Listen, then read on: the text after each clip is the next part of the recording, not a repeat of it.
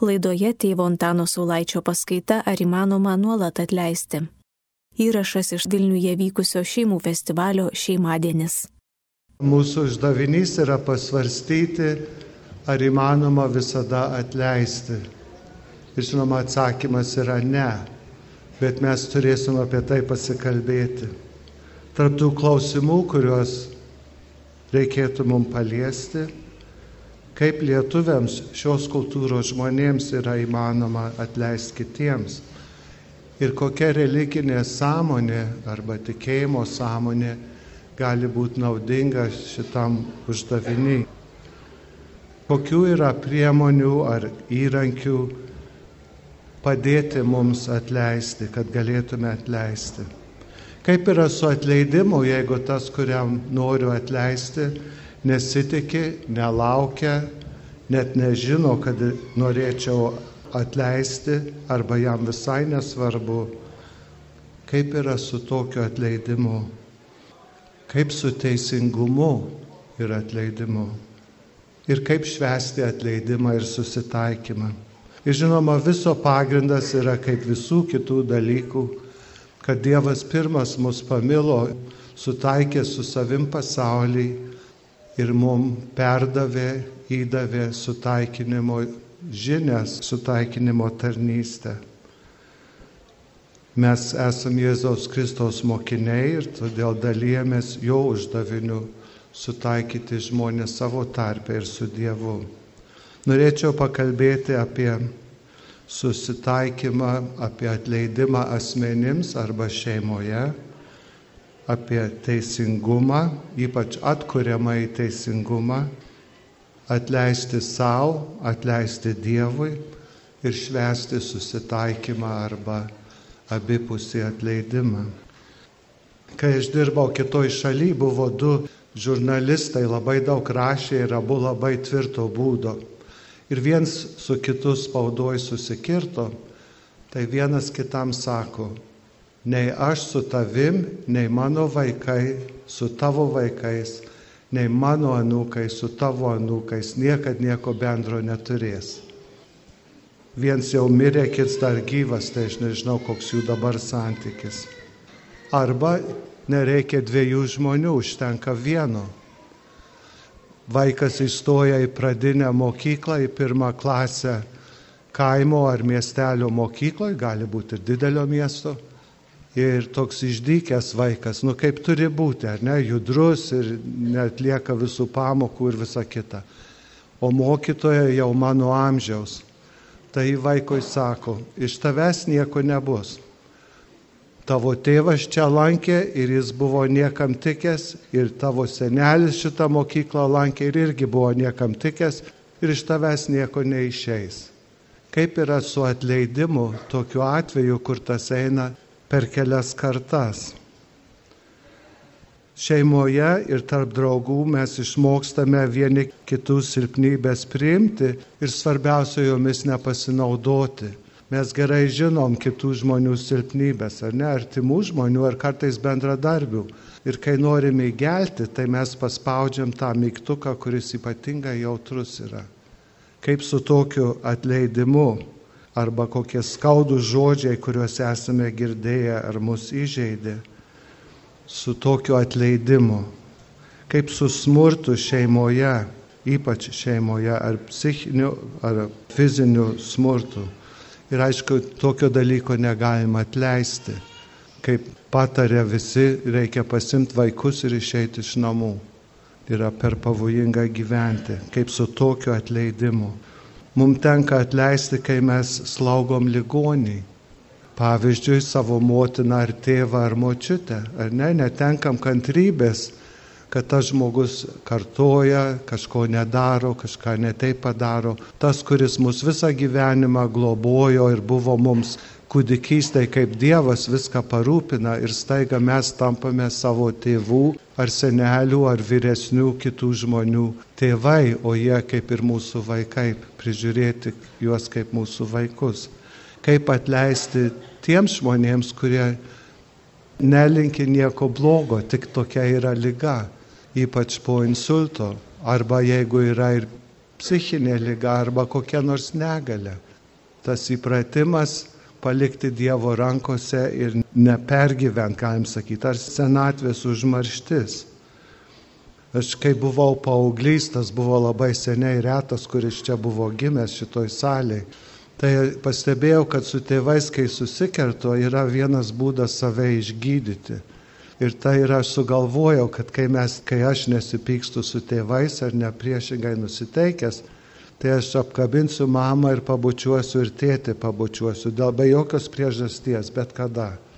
Ir tas mano širdį sušvelnino, aš mokėjau jiems atleisti, kad jie mane tvarko, liepiau sudėti kaklaraištį ir švarką ir visokius kitus dalykus, kur yra nu, prieš plauką normaliam žmogui. Ir aš kartais tėvam pasiūlau, kurie turi paauglius, tą knygą, kaip mylėti savo paauglį, nes čia turi bendro kaip tik su atleidimu, atleis savo paaugliu ir paauglys atleidžia savo tėvams. Nesi suaugęs vyras ar moteris, kol neatleidai savo tėvams. Tas yra tikras psichologinis ar dvasinis dėsnis. Kaip atleisti, kai būna nelaimė, vaikas lipa į medį, krenta nusilaužę ranką. To jaus mes pykstam, ar ne? O vaikas tik yra sužeistas arba kas nors kitas. Kartais būna įstatyminė bėda, kur žmogus pakliūna į kalėjimą. Ir, sakysim, šeimos tėvas pakliūna į kalėjimą ne už smurtą, bet už kokią nors kitą ten finansinį ar kitą dalyką ir stupi kalėjime. Kaip yra su juo sugrįžimu atgal į tą šeimą. Yra šeimų, kurios sugeba tą padaryti. Atleidžia tą klaidą, tą skriaudą šeimai, kad tėvo ketverius metus nėra namie. Ir tada vėl toliau gyvena, prisitaiko visi šeimos nariai ir toliau gyvena atstatę arba atkūrę tą pirminį ryšį. Būna ir tokių atvejų, kur nežinia, kaip atleisti ar ką sakyti. Pavyzdžiui, čia Vilniuje mes turėjom, kur tėvas baigė tupėti kalėjime, nužudė savo žmoną, šeimos motiną ir jį paleidžia iš kalėjimo ir jis nori grįžti pas savo dukrą į namus kaip su ta dukra yra, kokia yra jos padėtis. Kartais mes turime atleisti žmogui, kuriam geriau sekasi negu man. Kartais tenka atleisti ar susitaikyti po mirties. Aš labai gerai atsimenu, vėlai naktį, gal antrą, trečią valandą ligoniniai, čia buvo kitoj šaly. Mes būdim prie lovos ir miršta senas lietuvis, numirė prie mūsų Mes pasimeldėm. O duktė staiga šoko ir pradėjo bėgti ligoninės koridoriai, sakydama, aš nužudžiau savo tėvą. Ji nenorėjo pasakyti, kad nužudė kaip nors smurtu, bet ji buvo nuolatinė širdgėla savo tėvui visą gyvenimą ir ji tada prileidžia, kad jos tas elgesys ir ką jį darė ir kaip darė, taip tėvą erzino, kad jo širdis neatlaikė. Kaip tokia moteris gali susitaikyti su savo tėvu, kuris jau yra Dievo prieglopstai, Dievo glėbėje. Ir tada mes sakome, kad Dievas viską išlygina, viskas yra sutaikyta, viskas yra atleista. Ir tai lieka palikti Dievo rankose. Ir žinoma, atleisti nėra tik tai žodžiai ar nusiteikimas, bet pati būsena, mano tolimesnė būsena ir tų žmonių ar to žmogaus, kuriem atleidžiu. Man yra daug kartų buvę, kad aš atleidžiu, bet viduje yra kirminas ir jis graužia ir graužia ir graužia. Reiškia, kas nors nėra iš kažkokių priemonių nesėmiau, kurios galėtų padėti atleisti. Keletą žodelių apie atleidimą ir teisingumą. Atleisti reiškia atstatyti arba atkurti ankstyvesnį santyki. Ta mes matom pirmykštėse tautose, kur, sakysim, kas nors nužudo kitos genties žmogų, tai sumoka kažkokią kainą, ar dešimt arklių, ar tūkstantį pinigų, ar kas ten bebūtų. Ir tada vėl viskas sugrįžta į normalias vėžės, be jokio pykčio, be jokių priekaištų. Mes tokios sistemos neturim. Bet tas atstatyti ankstyvesnį ryšį yra vienas iš svarbių atleidimo dalykų. Mes matom tikėjimo plotmėje, tas tikrai vyksta Dievo atžvilgiu. Mes turim pavyzdžių iš jau mūsų laikais Ruandoje tos skerdynės. Buvo kažkas katalikiškiausias šalis Afrikoje ir pusę milijono ar kiek žmonių buvo iššaudyta ir nužudyta. Kažkas baisaus. Bet jie turėjo tiesos ir teisingumo komisiją ir jie sugebėjo taip padaryti, kad nežiūrint tos didelės skriaudos abiem didelėm tautom arba gentim, jie galėjo toliau gyventi ir kurti savo valstybę, net sukurti šeimas iš buvusių priešininkų, kur net gyvybei buvo pavojus ar atimtos gyvybės, net sukurti šeimas ir visai naujai gyventi, kaip pirmykščiai žmonės, kurie sugeba, žino, kad jiem išlikti gyvais gyventi reikia atstatyti, atkurti ankstyvesnius santykius ar būseną. Pietų Afrikoje tas pats buvo. Šiaurės Airijoje, kur tiek ilgai 400 metų katalikai ir protestantai kariavo, kovojo vieni kitus ėdė, toks pat būdas buvo surastas sutaikyti dvi didžiulės žmonių grupės arba visuomenės dalis labai teisingai pavadintas vadovėlis vaikam ruoštis išpažinčiai susitaikymo sakramentui, vadinasi, kad viskas būtų gerai, kad vėl sugrįžtume į normalią būseną. Ar tas yra įmanoma? Ar nėra žmonių, man yra žmonių, kai aš pamatau gatvėje, tą žmogų aš einu į kitą gatvės pusę, kad nesusitikčiau. Ar ne? Kas nors yra viduje ne taip. Arba gal reikia vengti nuodingų žmonių. Ar tas būtų nusikaltimas, ar pažanga krikščioniškam atleidimui, ar neliūdytų Dievo gailestingumo. Mes Lietuvoje neturėjom tokių atstatyti gerą santykį tos komisijos, tiesos ir teisingumo komisijos po viso sovietmečio, už tai mūsų dar ta visuomenė yra paliesta to, kad nėra sutaikyta, yra kaip ir užslėpta, neišaiškinta ir tie žmonės, kurie buvo skriaudikai irgi savo paskutiniam gyvenimo dienom ar metais nėra susitaikę, neramu yra savo širdyje lygiai kaip ir iš kitos pusės. Duosiu visiškai paprastą pavyzdį, kurį išmokau iš jaunų žmonių. Čia buvo skautų stovykla. Prieš daug metų didelė stovykla, tūkstantis skautų. Ir e, buvo tam tikros taisyklės, kad naktį negalima slampinėti po stovyklą. Po 11 val. ar 12 laužai pasibaigė. Tada reikia būti savo toje apylinkėje, palapinių apylinkėje. Ir man, aš buvau tada 18 metų, reikėjo būdėti ant tokio kelio, kad būtų viskas tvarkinga, ypač jei būtų koks gaisras ar kas. Nu ir vienas berniukas, atsimenu ir pavardę, Grigaliūnas, jisai nusikalto tai tvarkai slampinėti, tai aš jį, taip sakant, sugavau, pastabą padariau, sakiau, eit miegot. Kitą rytą anksti, gal šeštą valandą mes ruošėmės virt pusryčius. Jis ateina iš kitos stovyklos dalies pas mane ir sako, ar aš galėčiau tau ką nors gero šiandieną tau padėti. Jis neatsiprašė, ar ne? Bet jis nori atstatyti tą ryšį, kuris buvo anksčiau. Aš neatsimenu, kaip mes tą užbaigėm, bet man išliko ir tas atvejis, kaip pavyzdys to, kad atleisti reiškia atstatyti buvusi ryšį.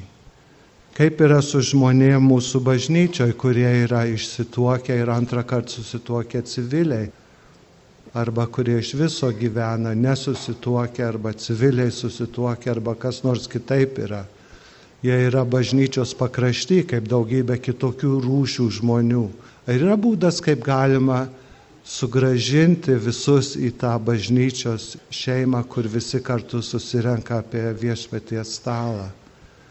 Taip sakant, atleisti tuos prasižengimus, ar kaip mes juos pavadintume, ir nepalikt žmonių kabančių ant siūlo bažnyčios pakrašty, kuri pasižymi tuo gailestingumu, kur Dievas pirmas mus pamilo ir mums patikėjo susitaikinimo žinę, sutaikinimo žinę.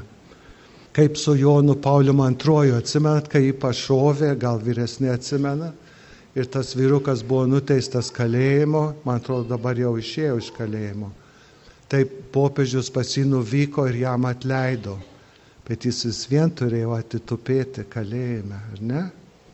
Čia yra mum irgi pamokėlė. Ir mes čia gal visai ne vietoje yra, bet tas baudimas kalėjimu nieko neišsprendžia, jeigu nėra atstatytas ankstyvesnis arba kitoks ryšys su visuomenė, su aplinka. Tas žmogus vis toliau vis grįžta ir grįžta ir grįžta. Indėna ir kiti surado kitą būdą tą padaryti, žmogaus dvasę taip pakelti, kad nebeužkliūna į tas pačias pinklės ir nebegrįžta, nebe kaip bausmė, bet kaip tam tikrą gydimą. Kažkoks būna ženklas tos atmainos ar permainos žmogaus gyvenime. Pavyzdžiui, kai mes einam iš pažinties, mums sako už atgailą sukalbėti vieną sveiką Mariją arba keliais apeit bažnyčią.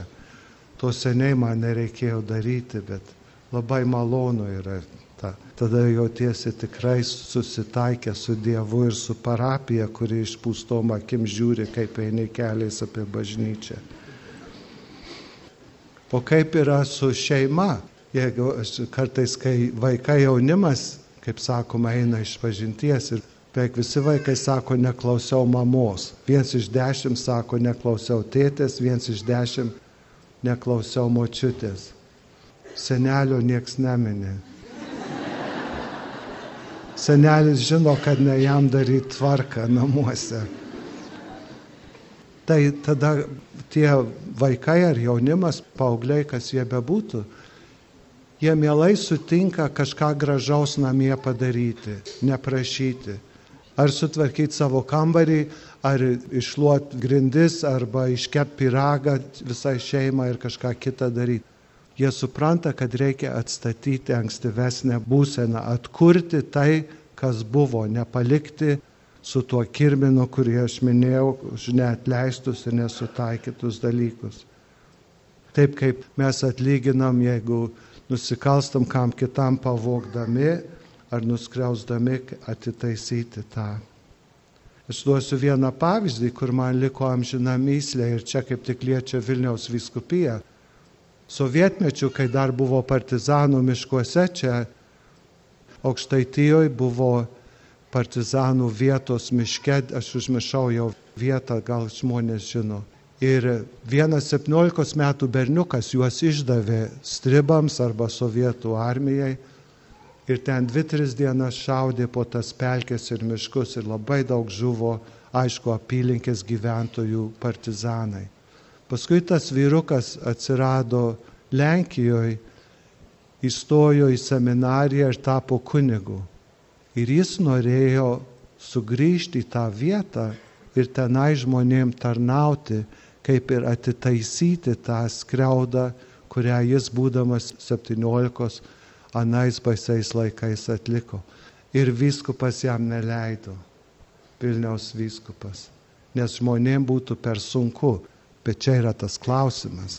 Jeigu atleisti reiškia atstatyti, atkurti normalius visuomenės santykius, ar buvo atleista tam žmogui. Jis tikriausiai jau iš pažinties ir gavo išrišimą, bent prieš kunigo šventimus, ar ne? Bet kažkas yra ne taip. Reikia atleisti ne tik kitiems, bet kartais ir savo. Tas yra vienas iš sunkiausių dalykų. Daug kas mūsų dėl kokių, ne, noriu sakyti daug kas, bet pasitaiko, kad mes ant širdies nešiojam kažkokią naštą iš senesnių laikų. Kažką aš dariau, kai buvau jaunas, jauna, kai kažkur kitur gyvenau, ar ir aš ėjau iš pažinties ir visa kita, gal ir neėjau, bet tas liko man. Žinau, kad Dievas atleido, bet aš nesugebu savo atleisti. Yra kaip diglys pašonėje arba kuprinė ar akmuo, kurią aš velku paskui save 20, 30, 40 metų. Tai būna kartais, kai žmonės labai jauni susituokia, išsiskiria labai greitai ir paskui sukuria naują šeimą ir 40 metų gražiai augina vaikus ir anūkus ir vis dar lieka tas akmuo ant širdies iš tos pirmos santokos iš pačios jaunystės, kai buvo ten 19 ar kiek metų.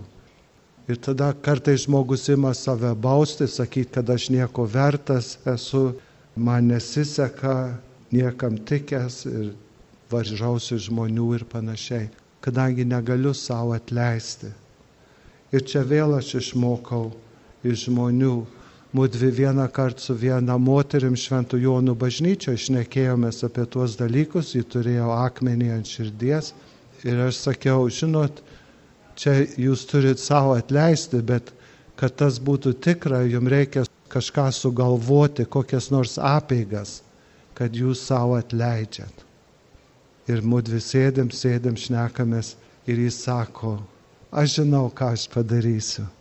Aš paimsiu akmenėlį, sudėsiu visą savo šitą rūpestį ar naštą į tą akmenėlį, nueisiu prie Vilnelės ir įmesiu į Vilnelę ir tas Dievo gailestingumas, krikšto vanduo, kaip mes tą pavadinsim, tą visą nuplaus. Ir dingstas akmuo iš mano kuprinės nuo mano širdies. Jis sugalvojo labai gražias apeigas, ne kitam žmogui atleisti, bet savo. Ar manytumėt, kad reikia ir Dievui atleisti? Taip? O ačiū Dievui, kitaip aš nekalbėčiau apie tai. Aš turiu tolimą giminaitę kitoj šaly.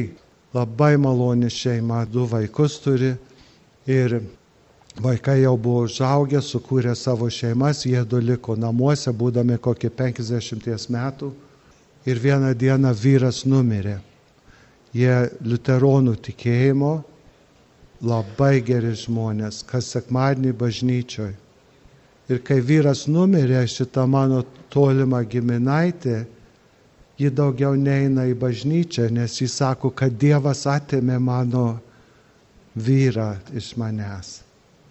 Ir daugybė mūsų taip sako, ar ne? Kai kas nors miršta, ar kas nors atsitinka, kad Dievas nubaudė, čia Dievo valia, dar kas nors tokio. Bet čia nėra tik apie tokį dalyką kaip artimo žmogaus ar kitą kokią nors netekti, bet iš viso apie mano Dievo kūrinio ryšių su Dievu sukūrėju. Mes tą Dievo artumą įvairiais būdais jaučiame. Šį rytą taip gražiai medžiai buvo apsnigę, ar ne? Atrodo, kad Dievas visą naktį sėdėjo, dėjo tas naigės, kad man būtų malonu atsikelt, nors ir bijom paslystam, nevalytam šalygatvį. Arba žmonės, pažiūrėkit šičia, eini po tuos koridorius, ieškodamas, kas nemokamai dalina saldainius. Ir sutinki įvairiausių žmonių seniai matytų arba artimų draugų. Yra didelis, nu, čia yra Dievo palytėjimas, kad žmonės domisi, dega šitais dalykais, kitų žmonių tarnybą, bendrystę, bendruomenės ugdymu. Kartais ir mums ateina kokios mintys ar jausmai visai neprašyti, kur Dievas mus paliečia. Iš tikrųjų mes esam Dievo meilės apsupti ir Dievas jau pilnai už mus apsisprendęs. Ir labai kauktu, kad taip nesaliginiai mus myli. Ar nėra tokių žmonių, kurie mus be galo myli ir paskui nežinai, kur dėtis? Aš žiūriu Aną dieną bažnyčioje buvo taip gražu prieš mane suolė, aš buvau kaip žmogus bažnyčioje, žinot, tarp žmonių. Ir prieš mane buvo mama su sūneliu gal 12 metų.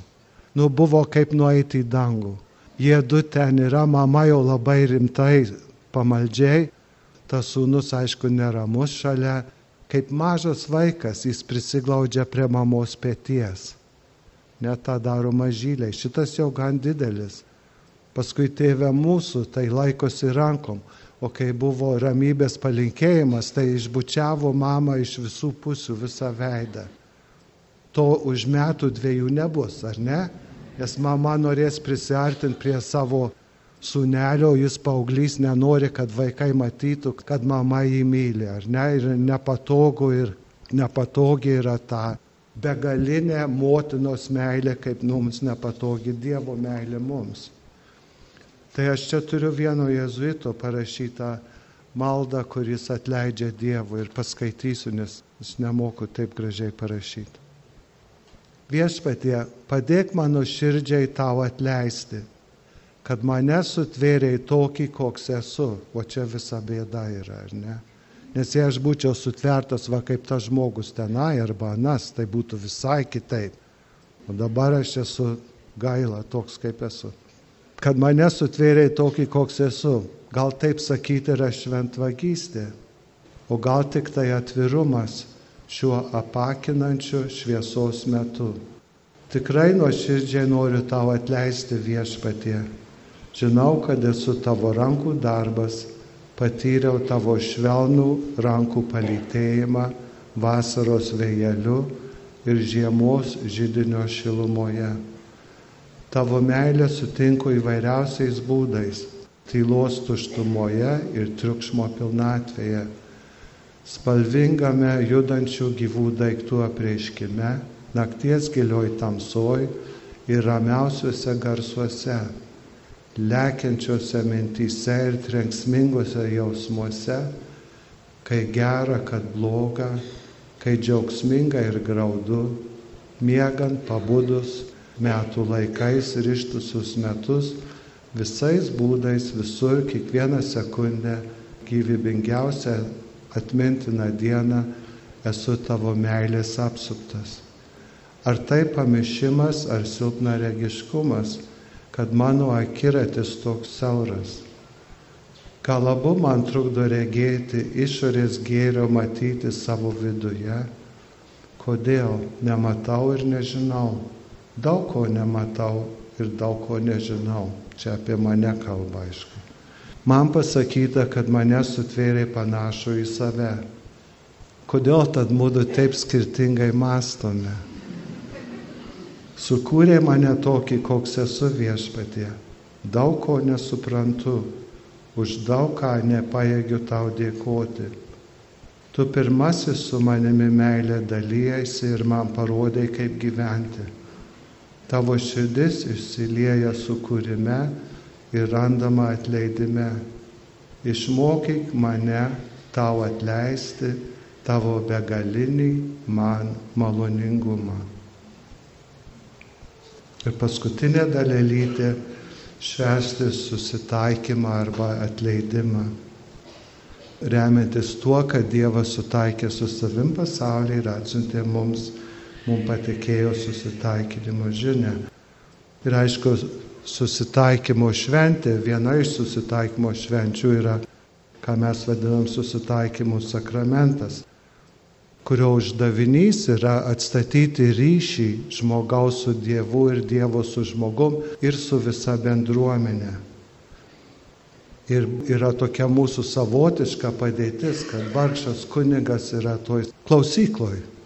Kunigas yra klausykloj ir žmogus šnipžda jam ir kunigas atstovauja visą bažnyčią, bažnyčios bendruomenę, va visą šitą parapiją. Kaip tam žmogui pajusti, kuris, kaip sakome, eina iš pažinties, kad visa bendruomenė susigražina jį pas save po to, ką tenai būtų žmogus išgyvenęs. Pirmykštė bažnyčia turėjo kitą tvarką, čia ne vieta dėstyti, bet vargšas kunigas lieka tokioj padėti, kad jis atstovauja visą bendruomenę. Ir už tai labai gerai yra, kai būna bendruomeninės susitaikymo apėgos, kur bažnyčia pilnai žmonės kartu išpažįsta bendrinės mūsų nuodėmės, neturim kantrybės, nekreipiam dėmesio į tos, kurie yra nuo šaliai, atitolę ir kas ten bebūtų. Skriaudžiam vieni kitus ar apšnekam. Ir paskui, kas nori, nueina pas kunigą ir prideda, ko dar trūko bendriniai toj. Bet mes matome, kad šimtas žmonių eina ir susitaiko su Dievu bendruomenės akivaizdoje. Tada pajunti, kad visa bendruomenė priima, atleidžia, nežinodama smulkiai, bet žinodama, kad kiekvienas iš mūsų esam toksai silpnas ar savotiškas kaip aš. Nu, ne tik savotiškas, bet vis vien silpni kaip aš. Tai tas bendruomeninės apėgos yra viena priemonė, sugebėti atleisti ir atleidimą priimti, atleisti savo, atleisti kitiems, atleisti ir Dievo jo begalinį maloningumą. Yra dar kitas atvejis, kuris Lietuvoje nėra įvestas, jis visuotiniai bažnyčioje buvo prieš daugiau kaip 30 metų padarytas. Ir tas yra, kaip prasideda išpažintis. Kai mes Lietuvoje einam išpažinties, ką mes darom? Persižegnuojam ir sakom, garbė Jėzui Kristui. Klaidingai. Visuotinė bažnyčia to nedaro.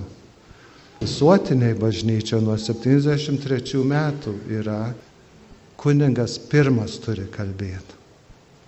Ir persižegnuoja ir sako, tegu šventoji dvasia tave apšviečia, kaip Jėzus sako, atėjau ieškoti paklydusios avelės ir avelės sugrįžo, ar kažką kitą iš švento rašto. Ir tada tik žmogus kreipiasi. Kodėl tas yra padaryta? Dievas yra tas, kuris sutaikė su savim pasaulį. Ne pasaulis eina susitaikyti su Dievu, bet Dievas ieško, kaip atleisti. Ir kai aš einu iš pažinties, jau Dievas man atleido, kitaip aš neičiau iš pažinties, ką mes susitaikymo sakramentoje, ar ne? Tai tas tokia forma, kad kunigas pirmas kalba yra vienas iš tų ženklų, kad Dievas pirmą mus pamilo arba jis ieško bažnyčią Dievo vardu, ieško kaip sutaikinti ir susitaikyti. O kai esi mišrioj publikoje, kaip aš toj parapijoje, kur dirbau Lemonte Matulaičio misijoje, kur pusė žmonių yra iš Lietuvos atvykę ir pusė yra užsienį užaugę.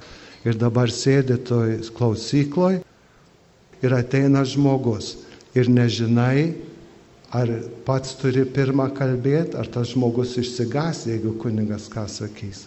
Tai aš atsimenu, vienas tik buvo vaikų ir įėjo berniukas ir viskas tylu. Ir jis man sako, tu turi pirmas kalbėti. Kad mažas vaikas išmoko šitą dėsnį, Dievas pirmas mus pamilo. Bažnyčia vykdo jo uždavinį ieškoti, kaip galima susitaikyti. Yra ir kitų būdų, aišku yra tie sąjūdžiai, kurie stengiasi, fokolarės sąjūdis. Paskui, kas mėgsta rožinį kalbėti, aš turiu teisingumo rožinį, neatnešiau, nes bijojau pamesti. Kiekvieni karoliukai, dešimt karoliukų turi, nu, penkių spalvų, nes yra maždaug penki žemynai. Melski už mus nusidėlius, dabar ir mūsų mirties valanda, ties tą vietą sakai, Melski už Aziją ir mūsų nusidėlius, kitas už Afriką, kitą už Amerikas, kitą už Okeaniją, penkis tos Europą. Yra vienas būdas melstį to teisingumo, kuris atkuria tą santykį tarp žmonių, kurios Dievas trokšta, Dievo karalystės pobūdžio. Labai įdomu pasidomėti Santoje Žydijo bendruomenę, kurią pradėjo gimnazistai Italijoje prieš 45 metus. Sutaikyti skirtingas žmonių grupės, jie dirbo su vargstančiais ir išaugo į taikdarystės tarnystę visam pasauliu, net sutaikė sukilėlius su valdžia arba dvi valdžias, dvi valstybės savo tarpę. Gimnazistų pradėtas dalykas kaip galėjo vieni kitiems atleisti ir atstatyti buvusią ar dar geresnę. Tarp knygų, kurios gali asmeniui padėti susitaikyti su savo tuo, ką atsimena, ir aišku, brolių Lin, yra lietuviškai, kaip gydyti atmintį arba panašiai. Nepaprastai geri pratimai, kur pereini savo jaunystės pergyvenimus, užtrunka, yra tikras darbas tą daryti, tokia mąstymo pratimai ir tikrai nuima tą akmenį nuo širdies ir tada sugalvoji kokias nors tas apeigas, nebūtinai akmenuką į Vilnelę mesti, gal gėlių padėti prie altoriaus ar uždegti žvakę ar kažką kitą. Žinoma, didžiausias susitaikymo sakramentas yra Euharistija, ar ne? Tas sutaiko mus visus. Ir Man taip gaila, kad mūsų bažnyčios negerai pastatytos yra kaip šičia, visi sėdi kaip teatre, ar ne? O turi būti šitaip, ratu, ar ne kaip namie. Tada matai kitų veidus ir visai kitaip nusiteiki, kad Mes esame žmonės, kuriam Dievas atleido ir aš ieškau, kaip galiu ranką ištiesti, kad mes matytume tuos žmonės, su kuriais mes sekmadienį ar kitom dienom viešpatį išlovinam, visi nešiojam tuos klausimus, kurie čia buvo minėti, tuos dalykus savo širdyje ir palaikom vieni kiti to tikėjimo kelionė, žinodami, kad Euharistija, tas dalyvavimas mišiuose, ne tik priimti komuniją, klausyti švento rašto, su visais gėdoti, kas kai kuriems žmonėms yra sunku. Jie nesiuošia eiti į dangų, nes dangui reikės visą laiką gėdoti. Nenori dabar priprasti arba nori atidėti ir atsakinėti, ir atsistoti, ir dalyvauti, ir procesijos, ir visa kita. Visas Euharistijos šventimas yra ta didžiulė susitaikinimo šventė, kur mes kaip Dievo šeimyną susirenkam apie Kristų ir paskui einame tarnauti kitiems žmonėms, ištiesim savo ranką į širdį tiem, kurie kaip čia atsistoja palei sieną arba sėdi prie sienos. Tai atsakymas į mūsų klausimą, ar galim visada atleisti, aišku, yra ne. Ir svarbiausia yra žiūrėti, kaip tas atleidimas būtų toks, kuris sugražina arba net padaro geresnius tuos anksčiau buvusius santykius tarp žmonių ir kaip mes galim tą begalinį Dievo gailestingumą kuo pilniau pasisavinti. Girdėjote tėvo Antano Saulaičio paskaitą, ar įmanoma nuolat atleisti. Įrašas iš Vilniuje vykusio šeimų festivalio Šeimadienis.